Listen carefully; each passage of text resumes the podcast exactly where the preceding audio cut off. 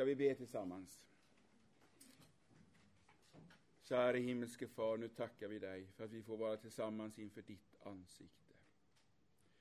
Du har gett oss ditt ord, det ord genom vilket också din son kommer till oss.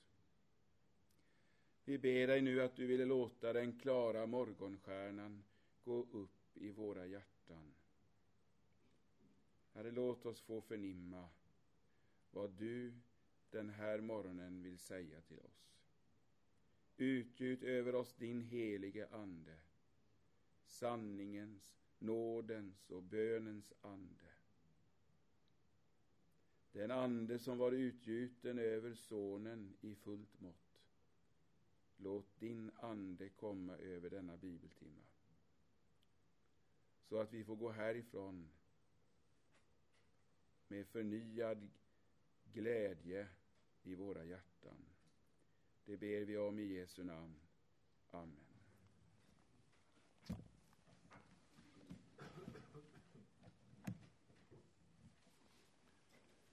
Vad hjärtat är fullt av, därav talar munnen, står det på ett ställe. Eh, och när jag fick frågan om att komma och medverka här, och det skulle handla på något sätt om Uppenbarelseboken, men jag skulle själv välja vad, det skulle, vad jag skulle göra av det, så, så är det inte så lätt. Det är en svår fråga. Eh, och så, men när det då, är, då säger jag det, vad hjärtat är fullt av, därav talar munnen. När frågan kom så höll jag på och skrev på den här boken som är utlagd där borta, som stjärnor i Herrens hand. Eh, och, och eh, Ja, vad hjärtat är fullt av, därav talar munnen. Och så hade jag också haft så många upplevelser av det ord och verkligheten av det ordet som står i Andra Petrusbrevets första kapitel. Om, om morgonstjärnan som går upp i våra hjärtan. Ehm, och, och eh, ja, ni vet det där ordet, att om att ge akt på det profetiska ordet, jag kommer snart tillbaka till det, Eh, till dess att morgonstjärnan går upp i era hjärtan. Jag, min egen eh, bibelläsningsplats där hemma, som är vid ett stort fönster. Eh, och eh, där, om jag vänder blicken så här, så ser jag morgonstjärnan, den tid på året när morgonstjärnan kommer. Och eh, den har, har liksom talat till mig så mycket. Kära vänner, igår fick vi en mycket fin introduktion till Uppenbarelseboken. Eh, och det är sant som Astrid sa här att det är en bok som är på många sätt svår. Den är hemlighetsfull. Det är fullt av hemligheter, hemlighetsfulla symboler och bilder. Men bilder som inte är sagor, utan beskriver den andliga verkligheten också i, under symboliska bilder beskriver eh, historiska eh, skeenden. Vi ska nu stanna inför en, eh, här en symbol, en hemlighetsfull men underbar symbol, nämligen stjärnan. Stjärnan. Eh, Både i dess egenskap att ytterligare förklara Kristushemligheten och i dess funktion att beskriva vad Guds ords tjänare gör. Det står på många ställen i skriften om, om stjärnorna. Eh, I min egen bibelläsning kom jag igår till det här ordet där det står Han bestämmer stjärnornas mängd han nämner dem alla vid namn. Om man tänker på det, han nämner dem alla vid namn och han har bestämt stjärnornas mängd. Och om ni har sysslat, bara, bara snuddat vid lite vid astronomi så vet ni att det blir helt astronomiska tal. Eh, och somliga av de stjärnor som man har fotograferat som ligger längst bort, så där en 7-8 miljarder ljusår bort, så är de stjärnor som man ser gigant, gigantiska samlingar av galaxer. Och galaxer är ju sådana här hopar av stjärnor där det kan Eh, Vintergatan består väl någonstans av mellan 1 och 200 miljoner stjärnor. Det som så att säga är vår närmsta, närmsta granne. Och så ligger det ute i rymden oändligt, i miljarders, miljarders, miljarder. Han nämner dem alla vid namn. Han har koll, säger vi på lite så här vårdslös modern svenska. Han har koll på alla.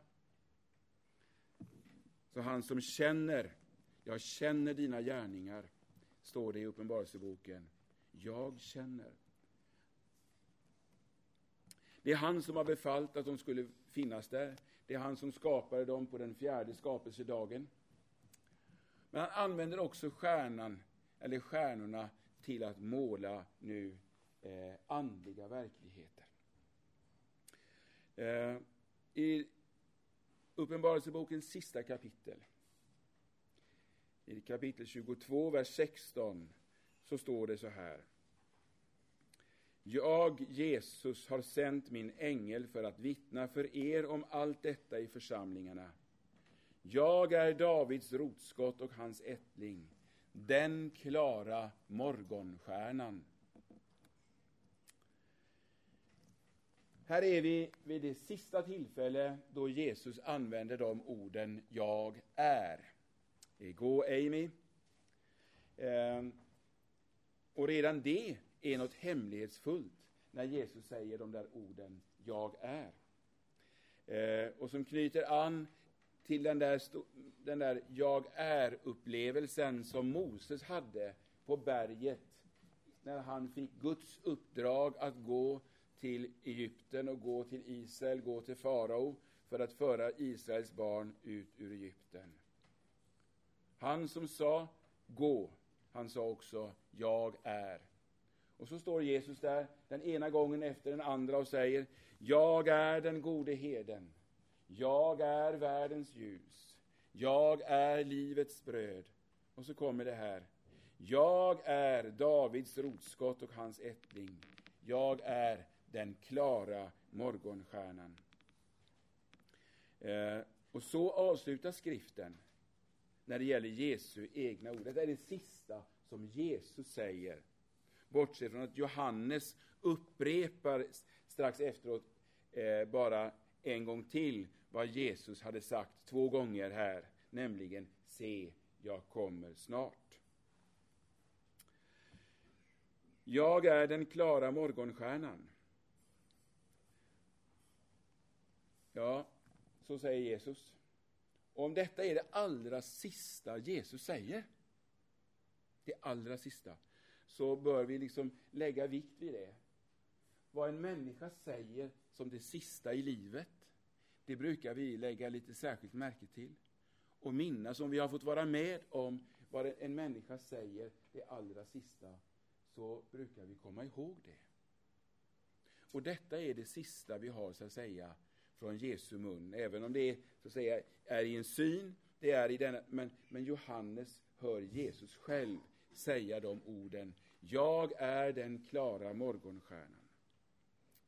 Vad menar Jesus när han kallar sig för detta? Ho aster, ho lampros, ho proinos, ni som kan grekiska. Stjärnan betyder den glänsande, den tidiga, eller tidigt på morgonen, stjärnan.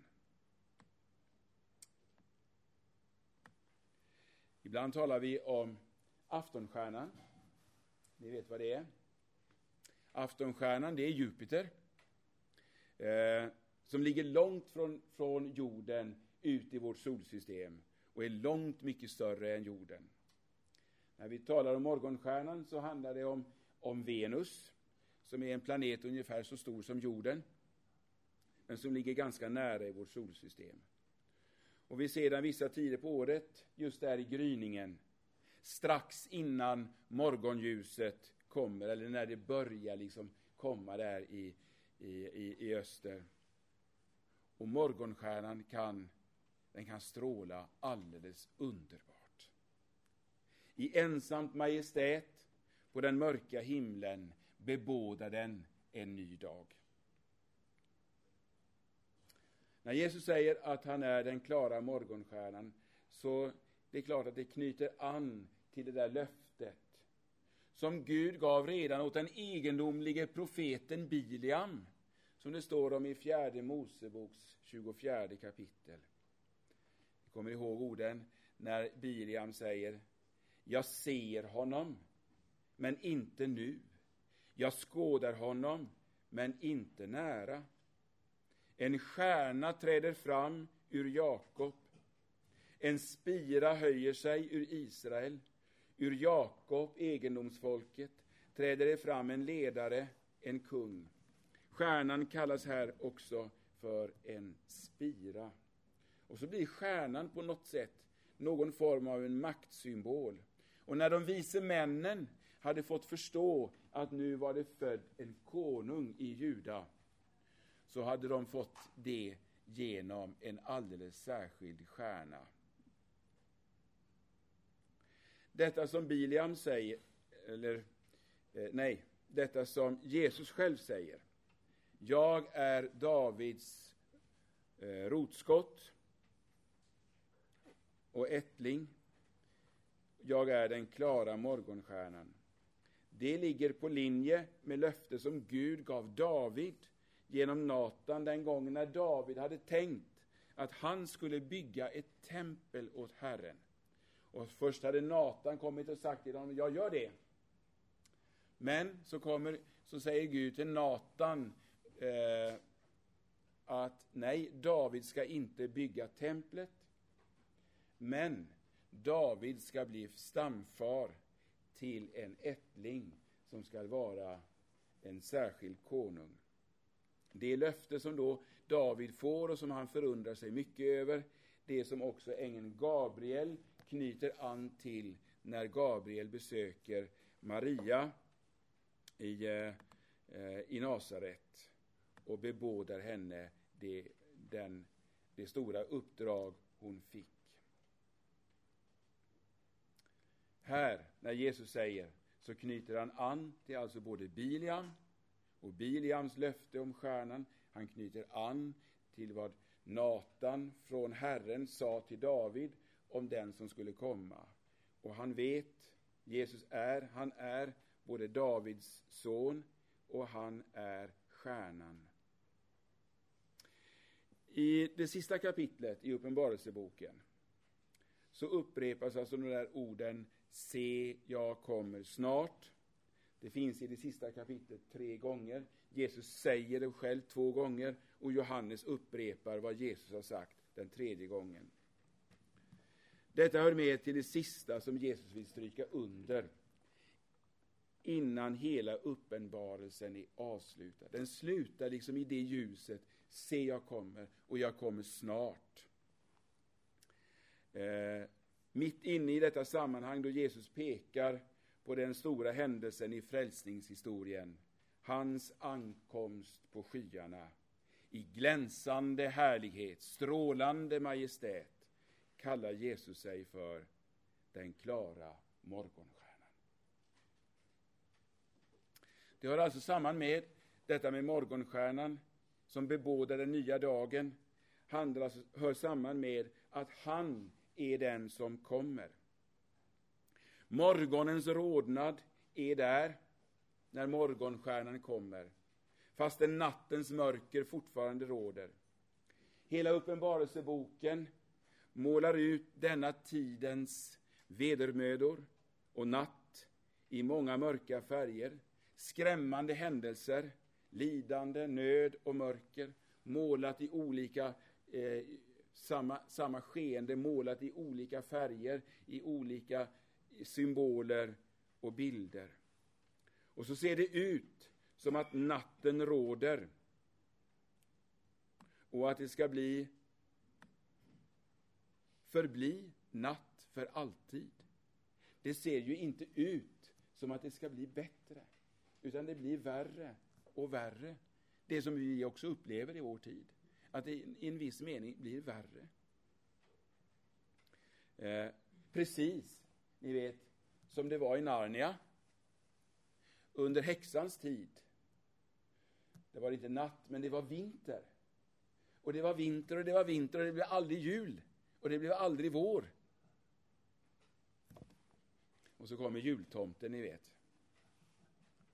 Och så kommer våren med jultomten. Och häxans tid håller på att ta slut. Morgonstjärnan bebådar en ny tid. Eh.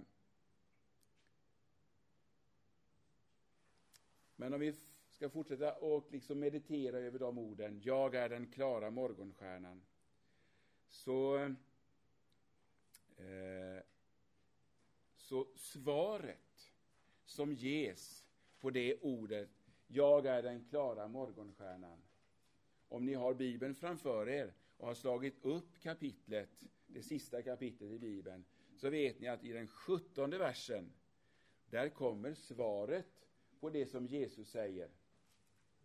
Då står det att anden och bruden säger kom.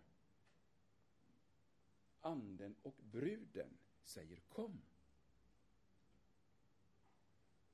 Genom den helige Ande säger hela kyrkan som svar på orden se jag kommer snart. Kom, kom Herre Jesus. Det är den väntande bruden, den väntande kyrkan som säger så till den klara morgonstjärnan. Kom, Herre. Bruden svarar kom. Johannes Eh, eh, hade sett Jesus i början av Uppenbarelseboken. Eh, och eh, eh, Odd Sverre snuddade vid det i, igår. Eh, Johannes såg Jesus stå bland ljusstakarna. Då såg han Jesus i en i gudomlig gestalt och med ansiktet lysande som solen. Vi läser i första kapitlet, eh, några verser där, från vers 13. Det står att han såg en som liknade Människosonen klädd i en fotsid klädnad och omgjordad med ett bälte av guld om bröstet. Hans huvud och hår var vitt som vit ull, som snö, och hans ögon var som eldslågor. Hans fötter liknade skinande malm som glöder i smältugnen, och hans röst lät som dånet av väldiga vatten. I sin högra hand höll han sju stjärnor, och ur hans mun gick ett tveeggat skarpt svärd, och hans ansikte lyste som solen när den skiner i all sin kraft.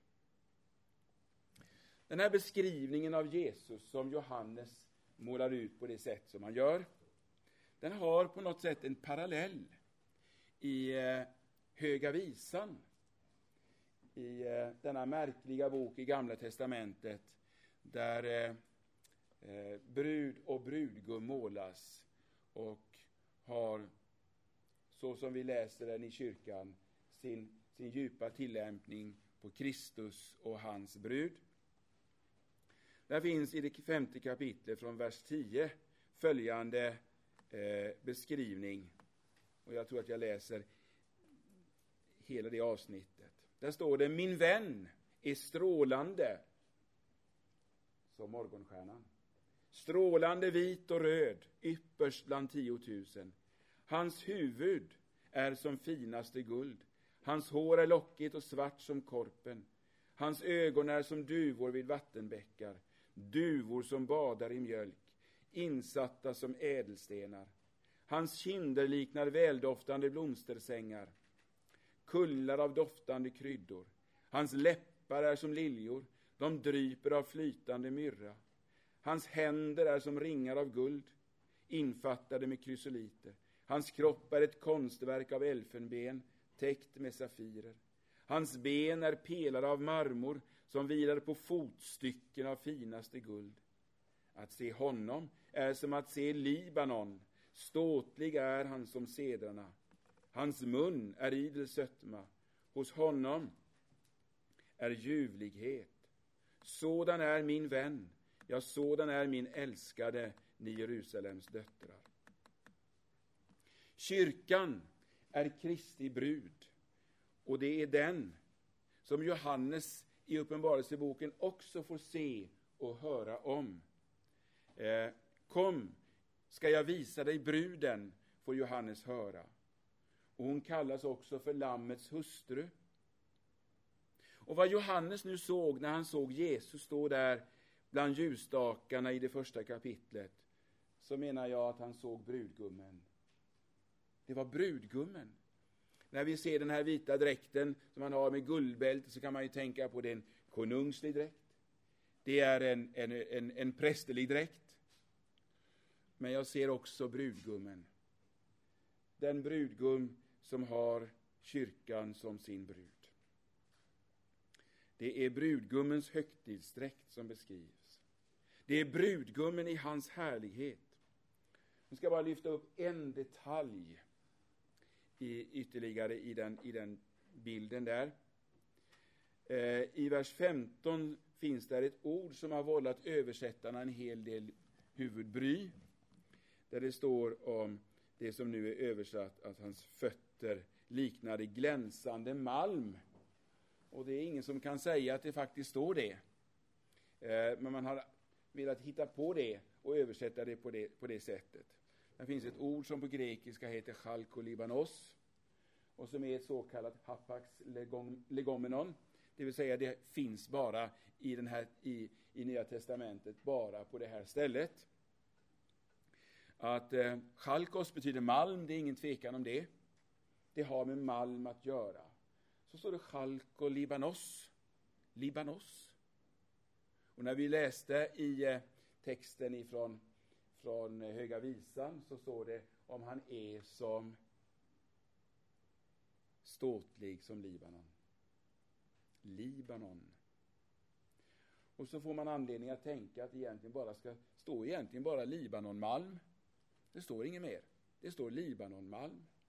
Och som knyter ihop detta ställe med just Höga Visans femte kapitel.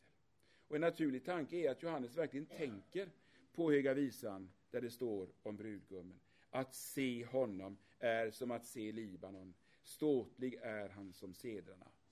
Och så säger jag på nytt. Det är Johannes såg brudgummen. Vi väntar på att kyrkans brudgum ska komma. Den klara morgonstjärnan säger, se jag kommer snart. Nattens timmar går, världshistorien går framåt mot den punkt när Kristi väntande brud får se sin brudgum komma och den nya dagen bryter in.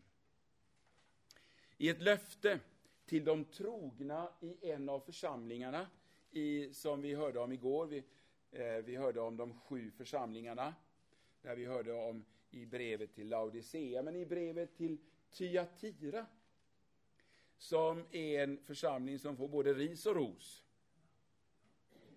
Eh, och så, så står det där i slutet i det brevet i kapitel 2 från vers 24. Men till er andra, ni som inte har denna lära, jag kommer strax tillbaka till det, eh, och inte känner Satans djupheter, som han kallar det, till er säger jag eh, att jag inte lägger på er någon ny börda. Men håll fast vid det ni har, till dess jag kommer. Den som segrar och håller fast vid mina gärningar ända till slutet, honom ska jag ge makt över folken och han ska styra dem i järnspira, liksom han krossar lerkärl, så som jag har fått den makten av min fader. Och jag skall ge honom, vad står det nu? Jag skall ge honom morgonstjärnan. Den som har öron må höra vad Anden säger till församlingarna. Den synd som rådde i Tyatira var att man i sin kärlek, för det var en ganska kärleksfull församling, det var annorlunda där än till exempel i Efesus, om vilken Herren säger, jag har det emot dig att du har, över, du har övergett din första kärlek. Här fanns det kärlek. Men kärlek kan också bli släpphänt. En falsk profetissa hade börjat uppträda, som här kallas för Jesabel. och förledde delar av församlingen till en falsk tro, en tro som liknas vid otukt. Och kanske att det också var förenat eller öppnade för sexuell lössläppthet. Och brudgummen, i sin svartsjuka sorg, berättar om domen som kommer över Jesabel och de som följer henne. Men han lovar dem som är trogna och håller fast vid honom tills han kommer och inte ger sig hän åt Satans djupheter, att de ska få morgonstjärnan. De ska få det. Och jag ska ge honom morgonstjärnan. Det största som finns här på jorden, vad är det? Vad är det som är störst överhuvudtaget för en syndare på jorden? Ja, det tror jag ni håller med mig om, att det är detta som heter syndernas förlåtelse i kraft av Kristi blod. Hans försoningsdöd, hans blod. Det är, om man får säga, åtminstone näst intill paradiset. Paradiset på jorden är att få vara en förlåten syndare. Att få äga syndernas förlåtelse genom Sonens namn och blod. Och äga visshet om detta. Och veta det. Herre, jag vet det att det är så här. Att få morgonstjärnan är ett hemlighetsfullt uttryck som ligger på linje med detta. Jag vet nu att jag har fått honom. Jag vet att han är min. Den som är gift och är lyckligt gift har vet att det är något stort i detta att kunna få säga du är min och jag är din. Och det har att göra med detta. Det handlar om att ljuset har fått gå upp i en människas hjärta, ända till den punkten, till den fulla vissheten om att jag tillhör honom. Att jag är i hans rike, äger ett välgrundat hopp inför den stunden när han kommer på himlens skyar. Jag behöver inte vara rädd.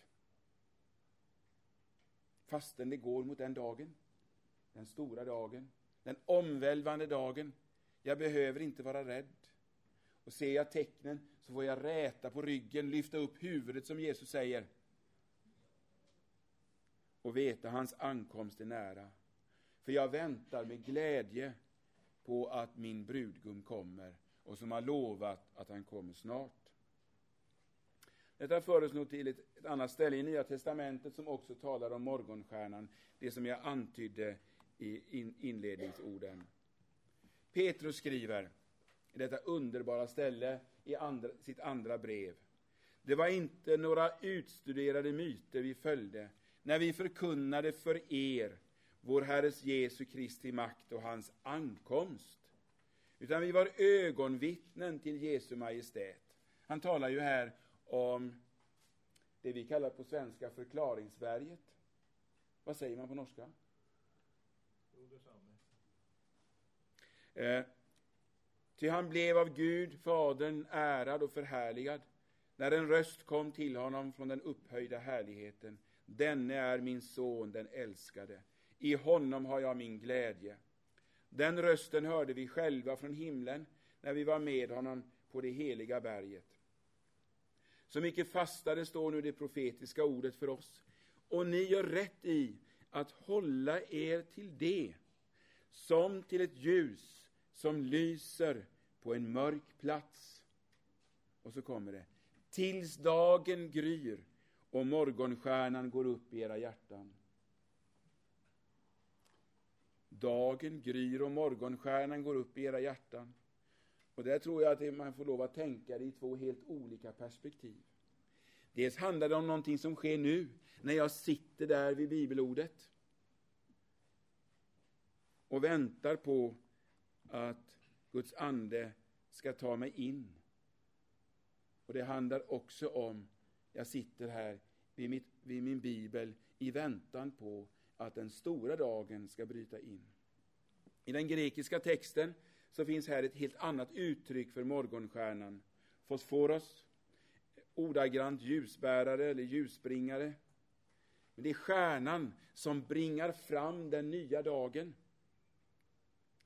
Och så förmanar Petrus oss att vi ska ge akt på det profetiska ordet. Tills morgonstjärnan går upp i våra hjärtan. Petrus och de andra apostlarna, ni minns att eh, de ville ha tid och vara liksom fria för att ägna sig åt att forska i ordet. Eh, att ägna sig åt ordet och bönen, står det. Och därför var det nödvändigt med att kretsen av de som skulle arbeta blev vidgad. Eh, därför att man, man ville se på hur profetiorna där i Gamla Testamentet, hur de förhöll sig till det som nu hade hänt. När Jesus hade varit här, hans död, hans uppståndelse, alla hans tecken och alla hans under, det han sa, det han gjorde. Hur stämmer det med de olika messianska profetiorna? Hur gick det i uppfyllelse? De såg efter Kristus i Gamla testamentet och fann honom där. Detta är en kristens allra viktigaste dagliga plats i väntan på Jesu ankomst. Att sitta vid Guds ord studera, läsa, begrunda, söka Kristus, se efter honom, se vad profetiorna säger, se hur de går i uppfyllelse, se vad, vad det betyder för mig. Så att jag kan gå varje ny dag i möte med ljuset i mitt hjärta, med en förnyad blick på Kristus. Och därför är min dagliga bön ofta just just den när jag sätter mig vid Bibeln. Herre, låt den klara morgonstjärnan gå upp i mitt hjärta. Låt mig få se dig i din härlighet. Så jag ser dig. För det är så vi kan vara glada när vi går ut till en ny dag och ska arbeta i olika sammanhang. När jag har sett honom och vet att han är min och jag är hans. Morgonstjärnan och de sju stjärnorna Låt oss gå ett steg vidare och vända tillbaka till vad Johannes såg på Patmos när han såg Jesus i det första kapitlet. Vi läste om att han, att han står där och hans fötter liknade skinande malm som glöder i smältugnen och hans röst lät som dånet av väldiga vatten. Hans röst. Hans röst. Och när han talar, när det, han Johannes beskriver rösten som låter som dånande vatten. Så med en gång så kommer han till en annan viktig bild och säger i sin högra hand höll han sju stjärnor. Och ur hans mun utgick ett tveeggat skarpt svärd. De sakerna, både ordet som går ut ur hans mun och dån, det låter som dånet av vatten och mitt däremellan finns de orden om sju stjärnor. Och så kommer det längre fram i texten i samma kapitel att Johannes faller som död ner för hans fötter. Men Jesus är omedelbart där och nu är hans högra hand inte med håller stjärnorna utan nu kommer denna genomborrade hand ner till Johannes och den läggs på honom. Var inte rädd. Eh, var inte förskräckt. Jag är den första och den sista och den levande. Jag var död och se jag lever i evigheterna, evigheternas evigheter och har nycklarna till döden och dödsriket. Skriv alltså ner vad du har sett och vad som är och vad som här ska ske härefter. Detta är hemligheten med de sju stjärnorna som du har sett i min högra hand och med de sju ljusstakarna av guld. De sju stjärnorna är de sju församlingarnas änglar och de sju ljusstakarna är de sju församlingarna. Hemligheten med stjärnorna, säger Jesus, är de sju änglarna. Församlingarnas sju änglar. Men också det är en hemlighet. När hemligheten ska avslöjas så blir det ändå på något sätt en ny hemlighet. Det ligger inte i helt öppen dager vad det betyder. Man har funderat mycket på vad Jesus menar. Vad menas med de sju församlingarnas änglar? Man har ibland tänkt tanken att det skulle vara någon form av skyddsänglar för församlingarna. Men det är dessa änglar som får ta emot både beröm och kritik för tillståndet i församlingarna. De finns alltså där som bär ansvar. Och inte har vi mött det förut i skriften, att det är så att säga himmelska väsen som får bära ansvar för tillståndet i jordiska församlingar. Ängel betyder, det är det grekiska ordet som bara rätt och slätt betyder budbärare. Eh, församlingarnas budbärare. I första Timoteusbrevets tredje kapitel och sextonde vers så finns där eh, det här som, som är lite hemlighetsfullt. Eh, första Timoteus kapitel 3.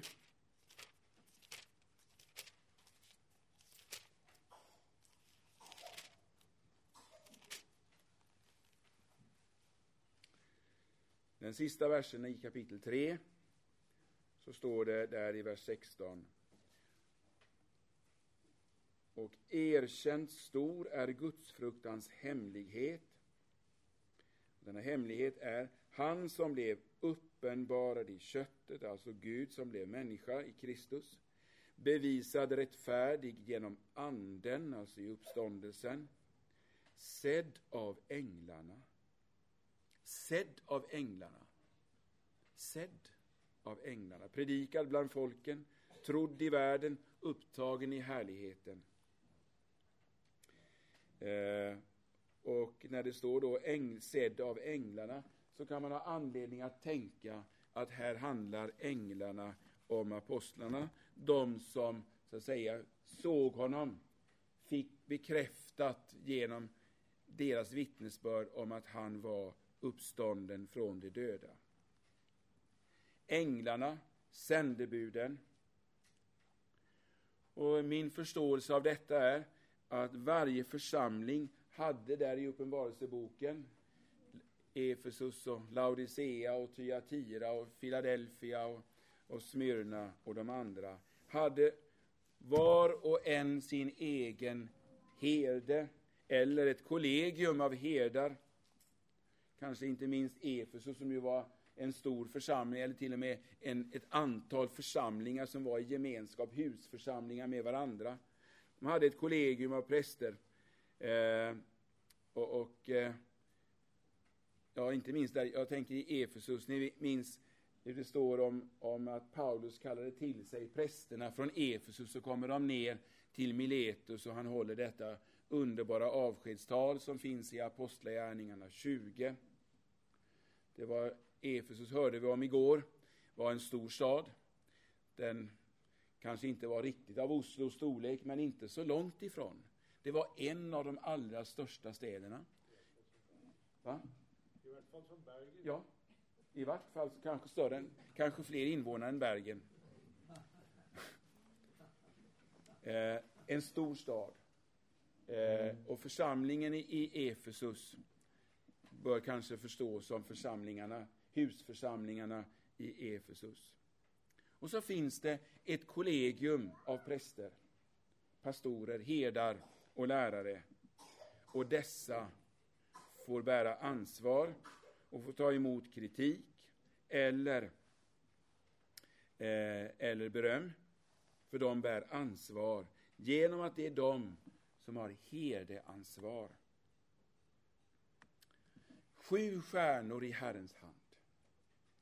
Och så dröja ett ögonblick vid detta med sjutalet.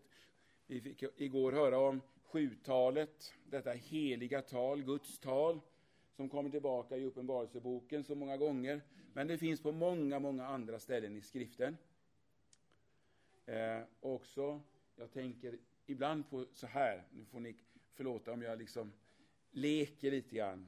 Eh, det gjorde också, eller fantiserade lite grann. Det gjorde Odd Sverige igår Eh, och det gör jag kanske i ett ögonblick just nu.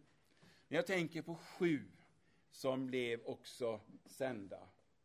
Kommer ni ihåg den där händelsen efter uppståndelsen när lärjungarna finns uppe i Galileen Och då är de några stycken som ger sig ut på sjön för att fiska en natt. Och det går så dåligt. Och så står Jesus där på stranden en morgon. Hur många var de i båten? Om man räknar efter vad det som, som står i Johannes evangeliets 21 kapitel, så är de sju. De är sju i båten. Och nu får Petrus höra det som de hade fått ta emot tidigare allihopa. Nu fick han det upprepat och liksom, han får den här frågan, älskar du mig? Och så kommer, kommer själva uppdraget på nytt, det som gällde dem alla. Var en, eller först, föd mina lamm. Var en herde för mina får och föd mina får. Kanske ligger en liten progression i det där. Först ska han föda lammen. Och så ska han vara herde för de mera mogna. Och så ska han till och med föda de mogna, det som är det allra, allra svåraste i en pastoral gärning. Att föda de som har vandrat länge på vägen. De som hamnar i anfäktelse och mörker på vägen. Dessa sju lärjungar i båten, det står ju där, därefter uppenbarade sig Jesus än en gång för lärjungarna. Det var vid Tiberias sjö. Och det gick till så här. Simon Petrus och Thomas, som kallades Tvillingen, Natanael från Kana i Galileen, Sebedeus söner och två andra. Det blir sju. De var tillsammans. Och så kom, får de göra det här fiskafänget som leder till så mycket fisk. Vad är det som skiljer den händelsen från den första gången de får så mycket fisk? Det är en avgörande skillnad. Just det, Sebastian säger, näten gick inte sönder. Det gjorde de första gången. Då var de ännu oskickliga till att vara herdar. Nu, när de ingenting kan, kan de. Nu kan de. Nu ska de gå ut. Nu har Jesus gjort dem till människofiskare.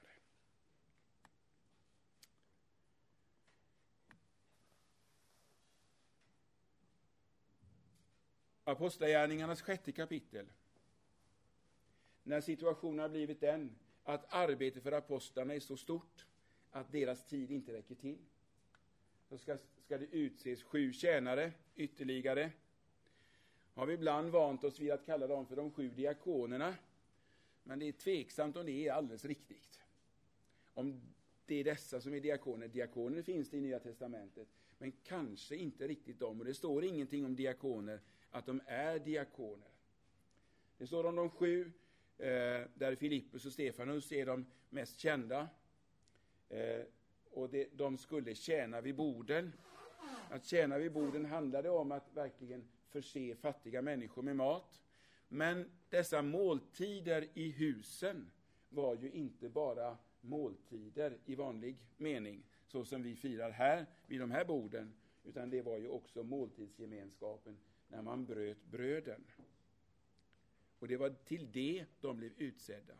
Och vi märker att när deras tjänst ska beskrivas, och det är både Stefanus och, och eh, Filippus tjänster som beskrivs, så beskrivs de med, med eh, i, i ordets tjänst. Så är de båda i ordets tjänst. Eh, och det tror jag är värt att lägga märke till. Och de var också sju. Och jag, jag vill inte göra för stor sak just av detta nu.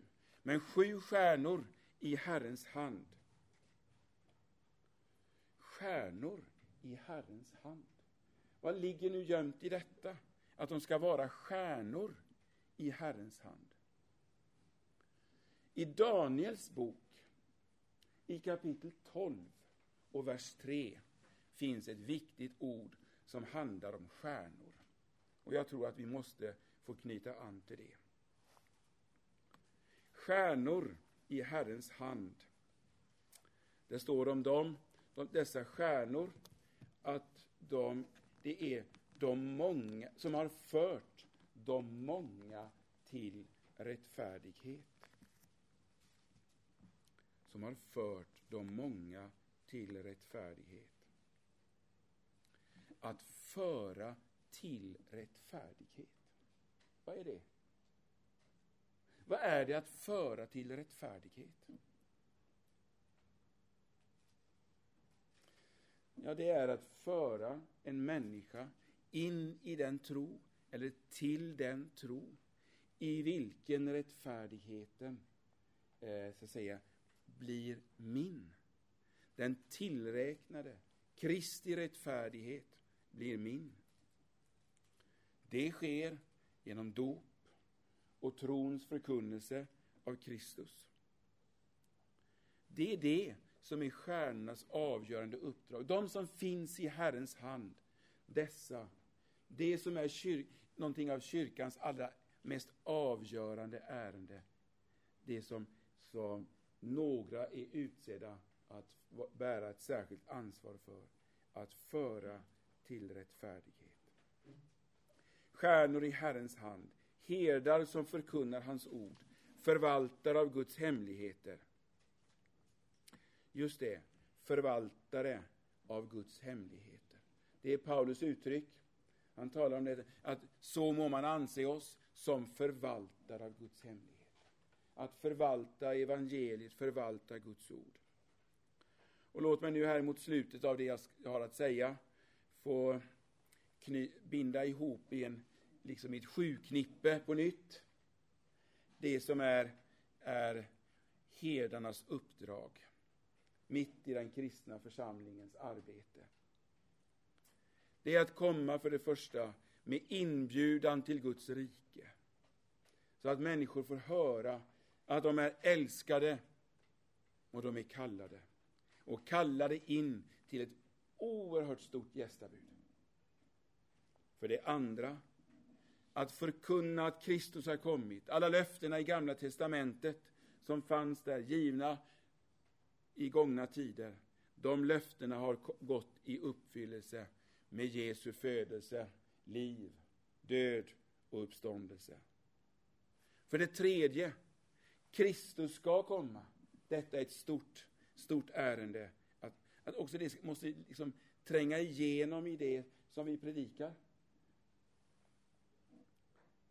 Och det som sen blir centralt och som jag har som mittpunkten i dessa sju punkter, det är Kristi försoning. Att Kristus har gett sitt liv för oss. Tänk, här sitter vi, kanske 50 personer. Han har gett sitt liv för oss. Hans död, bekräftad i hans uppståndelse. Det är detta som är det stora. Till det måste tecknas bakgrunden av, i vårt behov av denna, denna nåd, denna förlåtelse som ligger i kraft av Kristi försoning. Men också Guds försyn ska predikas.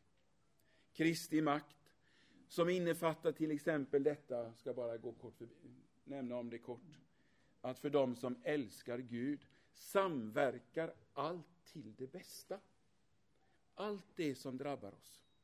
Guds försyn för Guds folk betyder att allt samverkar till sist till det allra bästa.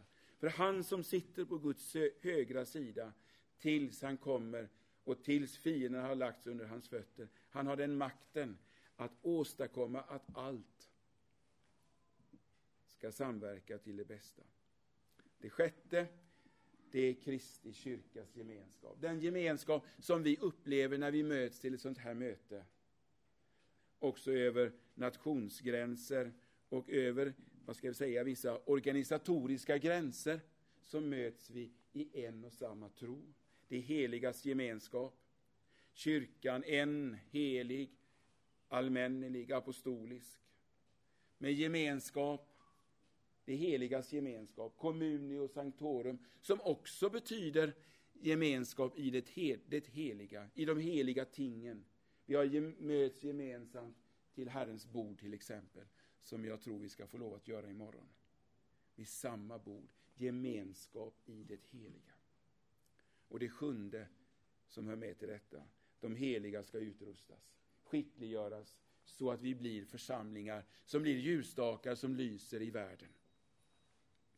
Men det innersta i allt detta, i allt sammans, är alltså att föra de många till rättfärdighet. Och det ligger i syndernas förlåtelse. Som stjärnor i Herrens hand så ska vi som har det uppdraget och som alla andra måste bedja för och ropa till Herren att de som ska förkunna ordet, att det sker. Och då är det innersta, det är syndernas förlåtelse. Att få predika för dig och för dig och för dig. Antingen vi har den professionen eller den professionen, gammal såväl som ung. Dina synder är dig förlåtna i Faderns och Sonens och den helige Andes namn. Och det vill jag upprepa när jag står här nu, som något av det sista. Dina synder är dig förlåtna för Jesu Kristi skull. Ni kommer ihåg Johannes döparen. Kommer ni ihåg vad han kallar sig själv? Han kallar sig själv för brudgummens vän. Brudgummens vän. Det är en teknisk term för eh, den som ansvarade för eh, relationen mellan brud och brudgum till dess att ett, eh, ett judiskt par blev ett i bröllopet. Och han kunde till och med sköta om trolovningen. Brudgummens vän kunde sköta trolovningen. Det ni. Det skulle vi kanske inte riktigt gilla. Men eh, det var precis vad, vad tjänaren, Abrahams Isaks tjänare, gjorde när han trolovade Rebecka med Isak.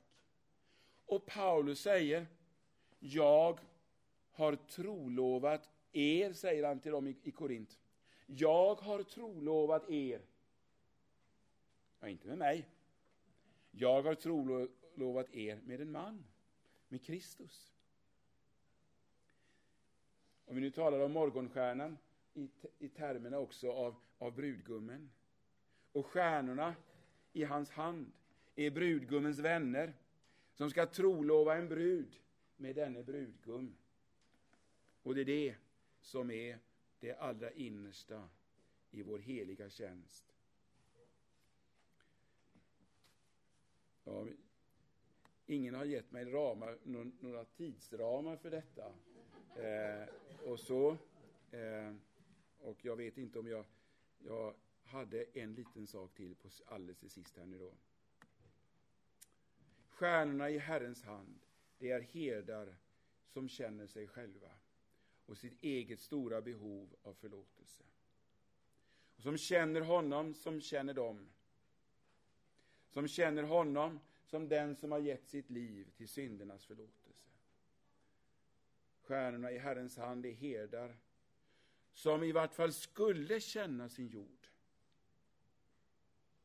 Också känna den tid i vilken de lever. Men det avgörande är, de är, är i Herrens hand. Från honom har de sänts eller utgått. Inför honom bär de ansvar. De är inte sända principiellt av församlingen, utan av Herren till församlingen. De har utgått ur församlingen och är fortfarande lemmar i församlingen och tillhör det konungsliga prästadömet. Och de är sända för att vara hans tjänare mitt i hans församling i väntan på att han, brudgummen, morgonstjärnan, ska komma. Och jag vänder ofta tillbaka till, en psalm, till två psalmverser som finns i den svensk, gamla svenska psalmboken och beder. Och där vill jag sluta. Jag är bland dina får, dock haver du mig kallat till herdesysslans vår och vården mig befallat om din dyrköpta jord. Ack, Herre, hur skall en mask på denna jord förrättas så högt kall? Men efter detta är ditt stora verk alena, och du, o Herre kär, själv sänt mig där att tjäna. Så giv och kraft till, med gåvor mig bekrön, att tjäna som du vill. Ack, Herre, hör min bön. I Jesu namn.